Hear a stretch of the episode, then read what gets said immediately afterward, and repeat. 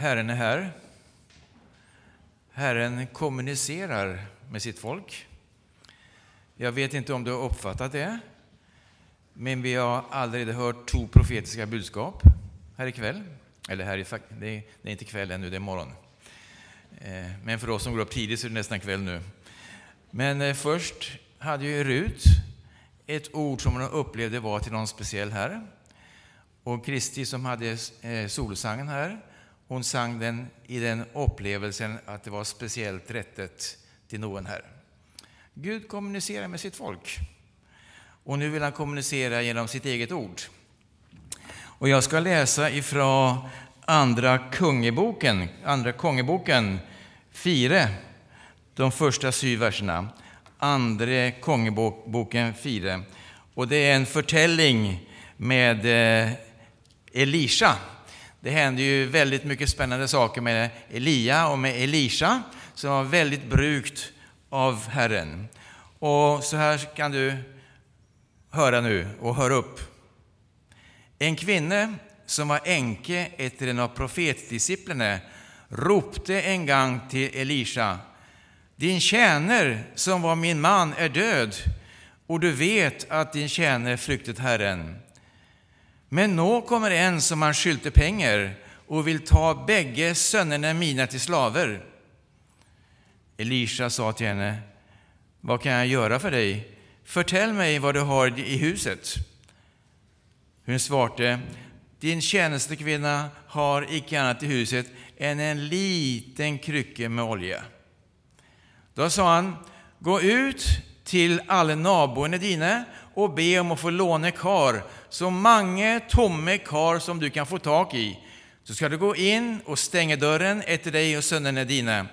Häll upp olja i alla dessa karna och sätt den bort när de är fulla. Och kvinnan gick från ham och hon stängde dörren efter sig och sönerna sina. De rakte henne karlarna och hon hällde i. Då karlarna var fulla sa hon till en av sönerna, räck mig ett kar till. Och då svarte han, det är icke fler, svarte han. Då sluttet oljen och renne. Sen är det ju en eh, positiv slut på den här förtällningen också. Hon säger så här, hon gick, gick och förtalte detta till gudsmannen. Han sa, gå och sälj oljan och betal gälden din, så kan du och sönerna dina leva av det som är kvar. Oljan är ju ofta en symbol för en helige ond. Och i den här förtällningen, som var då en riktig förtällning på riktigt, så var det så att det var ingen begränsning på oljan. Det fanns hur mycket som helst i utflödet från Gud. Det fanns bara en enaste begränsningen, det visst det finns tomma mottagarkryckor. Så länge det fanns något tomt, en krycka som var tom, ett kar som var tomt och väntat på att bli fyllt, då fanns det ifrån himlen ubegränsat med olja. Men då alla kryckorna var fulla, då sluttet oljan och renne. Och det är precis samma sak som sker på pinsedagen. Då blir en Ande utöst över alla människor.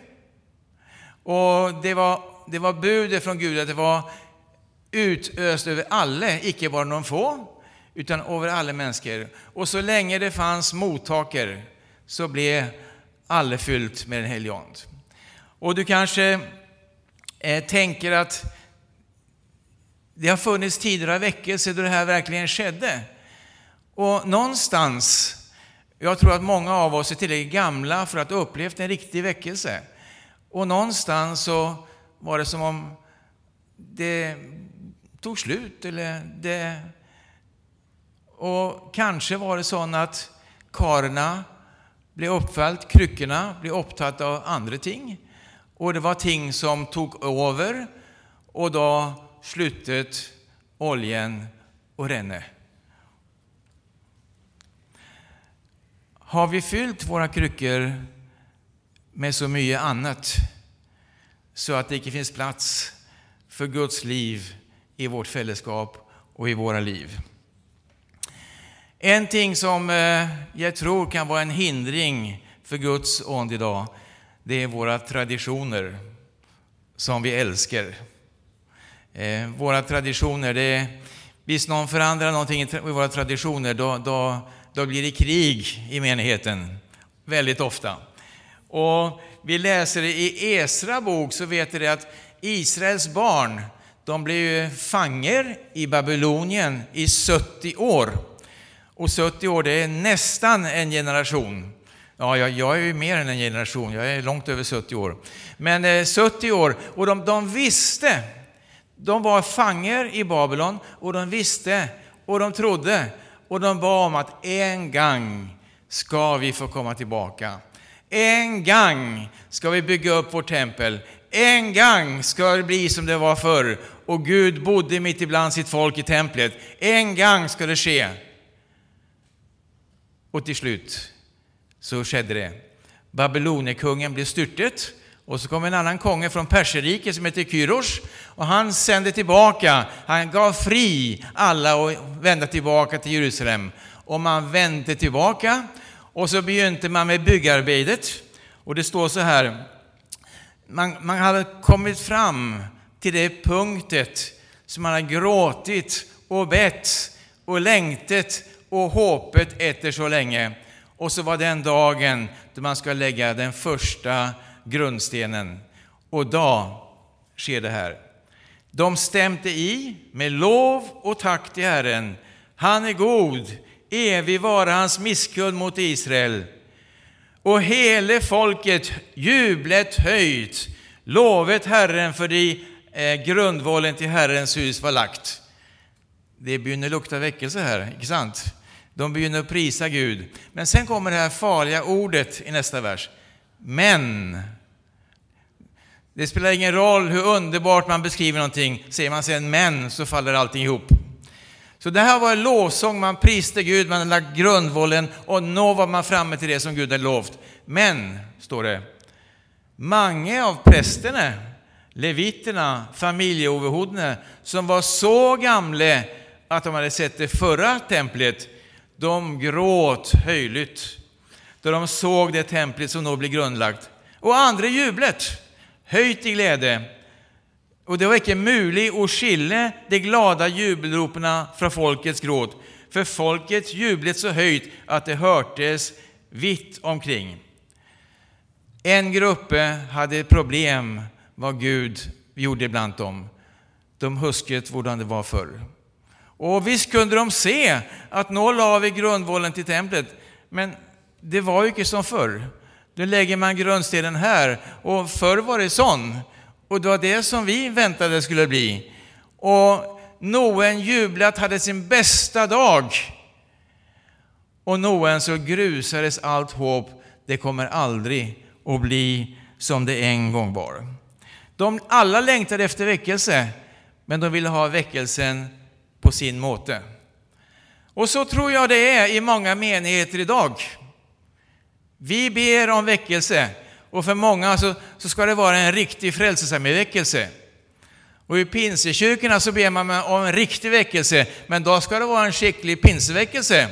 Och i lutherska kyrkan då ska det vara en väckelse, men det ska vara lite mer stilla och då ska det vara en, en luthersk väckelse. Och det är inte lätt att vara Gud och ställa om sig för att tillpassa sig till våra förväntningar.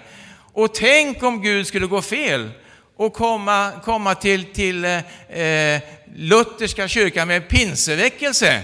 Folk skulle stegra sig och ta upp det som ett disciplinärende. Och tänk om Gud skulle komma med en luthersk väckelse i, i pinsebevägelsen. De skulle inte märka att Gud hade varit där.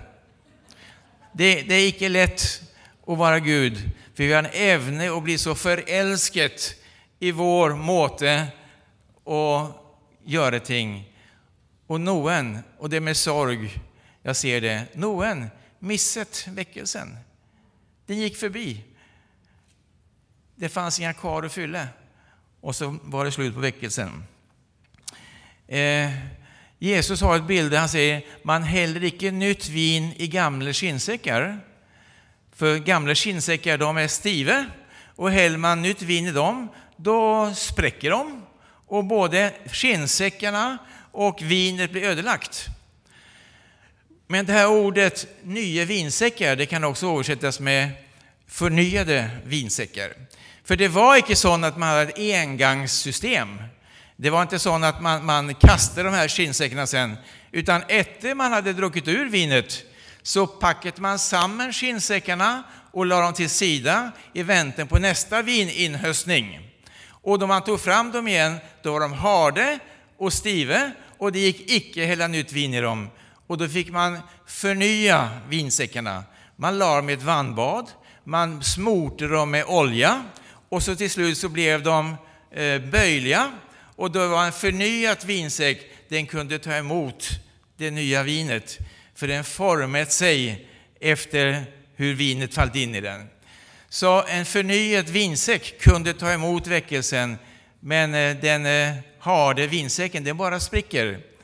Och Gud vill att vi ska vara formbara i hans hand. Gud vill inte att vi ska vara stivnet, för Gud kommer aldrig att göra repriser. Det är bara tv som gör det på sommaren, de har ingenting annat att göra. Men Gud gör inga repriser. Se, jag gör alla ting nya. En del saker kan ju vara att eh, vi blir så upptatt av våra aktiviteter att vi inte tar kontakt med han som aktiviteterna egentligen handlar om, att vi inte har tid för Gud.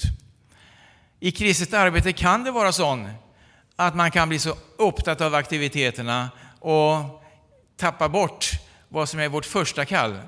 Vet du vad din första kallelse är? Det är inte att göra aktiviteter. Din första kallelse, det är du är kallt till fällskap med Jesus. Första Korinthierbrevet 1 och 9. Vi är kallt till fällskap med Jesus. Det är vår kall. Sen kan det hända att Gud ber dig göra ting. Men om du inte lever i fällskapet så är allting fel från begynnelsen till slut. Och en av de här breven i Johannes åpenbarelsebok till Efesus, eh, det var en sån församling som hade begynt väldigt bra. Eh, de var världens berömt, kan vi läsa i Efesierbrevet, för sin kärlighet och sin tro.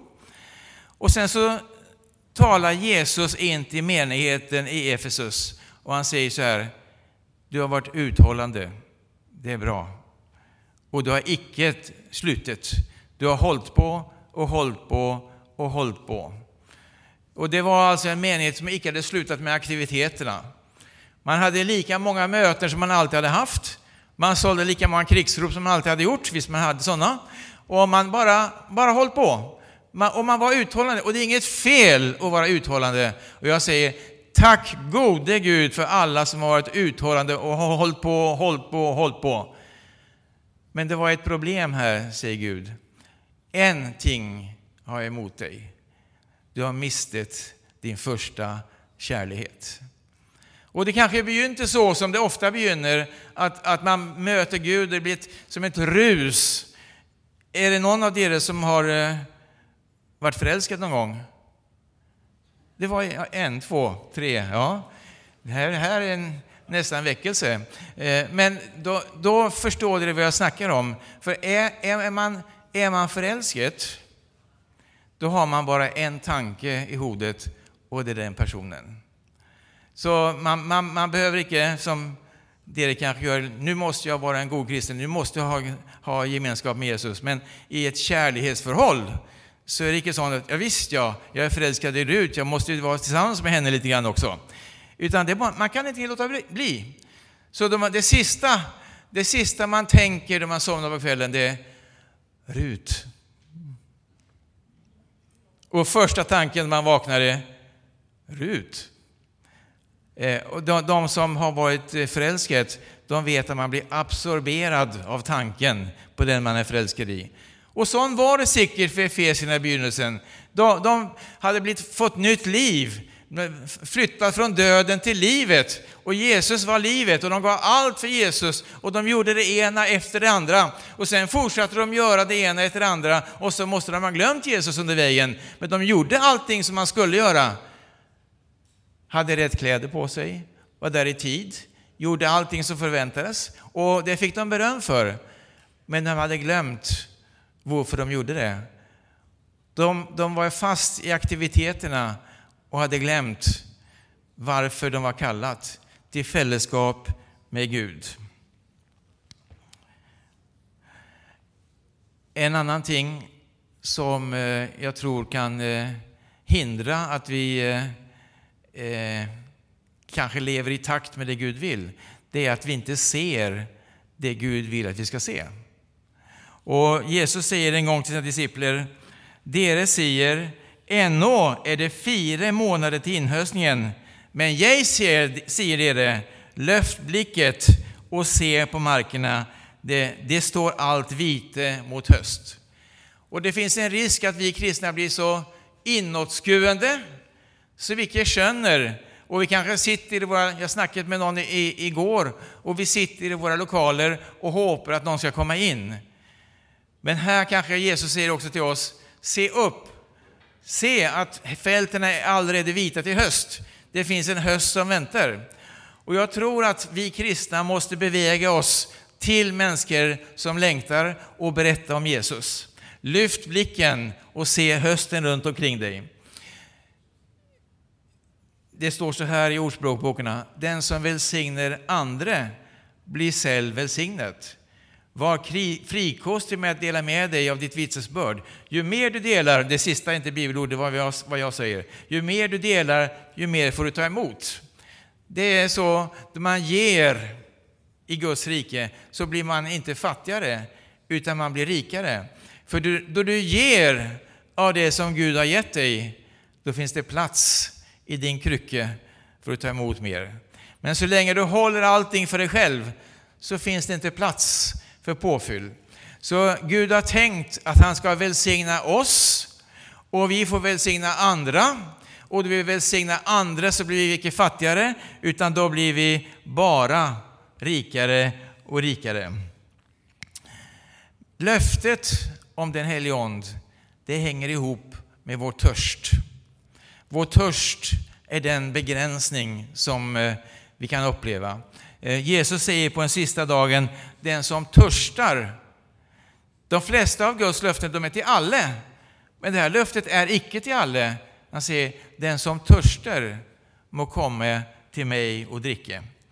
Den som tror på mig, för hans inre så är det som skriften säger, redan älver av levande vann.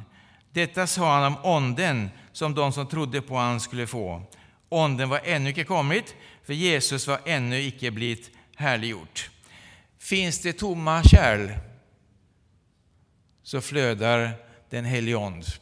Finns det tomma kärl så finns det påfyll. Men så länge våra kärl är fyllda av aktiviteter, av traditioner, så finns det inte plats för påfyll.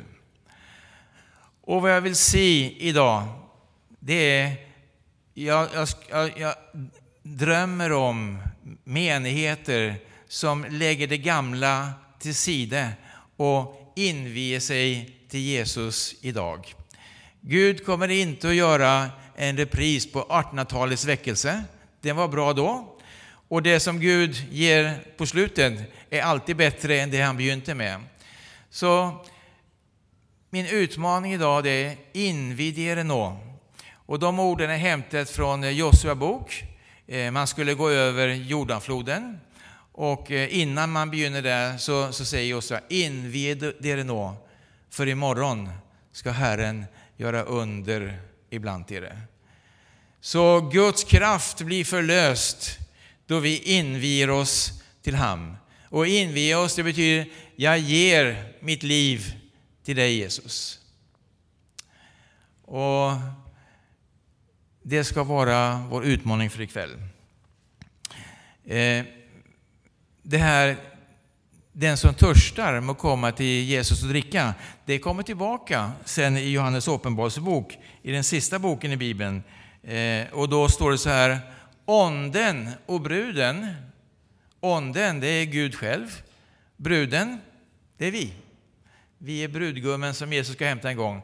Onden och bruden säger kom och den som hör det skall komma Och den som törster ska komma och den som vill ska få livets vann som gave. Invig dere nå, för imorgon vill Herren göra under bland er. Och jag tror att de flesta väckelser, om inte säga alla väckelser, har startat med någon som inviger sig på nytt till Gud. Människor som har lärt känna Gud, men som har förstått att det finns mer. Människor som inviger sig till Gud, där börjar väckelsen. Ibland är det bara två eller tre, och så blir det fler och fler. Och jag tror att Gud vill, vill säga det till oss idag. Invid er nå, för imorgon ska jag göra något nytt. Imorgon ska jag göra under ibland er. Den här helgen heter Se, jag vill göra något nytt. Och då vi kommer till Jesus med våra tomma kar, då har Gud möjlighet. För Gud kommer aldrig att tvinga sig på dig. Men då du inviger dig och öppnar ditt kar för Gud, då gläds hela himlen och Gud fyller dina behov. Och du får ge vidare och fler och fler ska komma. Vi ska be att lovsångsgruppen tar plats här. De ska leda oss i lovsång. Och, och jag vill bara spöra, är det någon av oss som är törst? Är det någon av oss som längtar efter att få uppleva mer av Jesus? Är det någon av oss som vill ta Gud på orden och invidera till Herren och säga, här är jag. Eh, det vet, då man går på möten så blir man väldigt sulten. Och Jesus hade en gång ett möte, det var 5000 män där förutom kvinnor och barn. Och det är som, som ni vet alltid många fler kvinnor än, än, än, än män i mötet, så kanske var 15 000 människor där. Och då säger disciplerna som hade bjudit att bli hungriga, då säger de till Jesus, nu får du sluta mötet och be folk gå hem och köpa mat. Och då säger Jesus till disciplerna, nej, dere ska ge dem mat. Men då säger disciplerna, ja men vi har ingenting. Vi har ju bara två fiskar och fem bröd. Och då säger Jesus, ge det till mig. Och de ger två fiskar och fem bröd, bröd till Jesus. Jesus ber bordsbönen. Sen räcker han tillbaka till disciplerna. Och disciplerna går ut och, och, jag vet inte hur de tänkte där, men de skulle gå ut och dela ut tog fiskar och fem bröd till 15 000 människor. De begynner säkert i ena hörnet och i deras händer så sker undret. Det tar inte slut. Det bara fortsätter och fortsätter. Och ju mer de delar ut, ju mer... Och det slutar med att det, det sitter tusentals människor och inte orkar ta en bit mat till.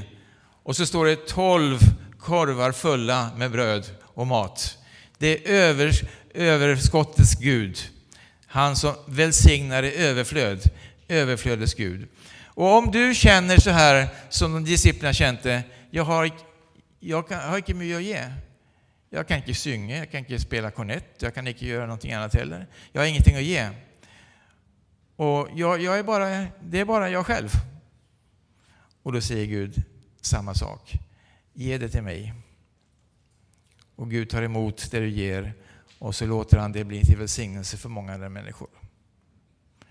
Vi har en böneplats här och jag vill utmana dig som känner att du vill invi dig till Jesus.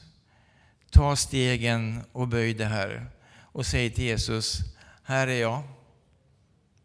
Det kanske inte är mycket att ha, men vad jag har, det får du. Du får vara Herre i mitt liv och jag vill följa dig. Och du vill synga här, är du välkommen fram och böja dina knän, ska vi be tillsammans sen.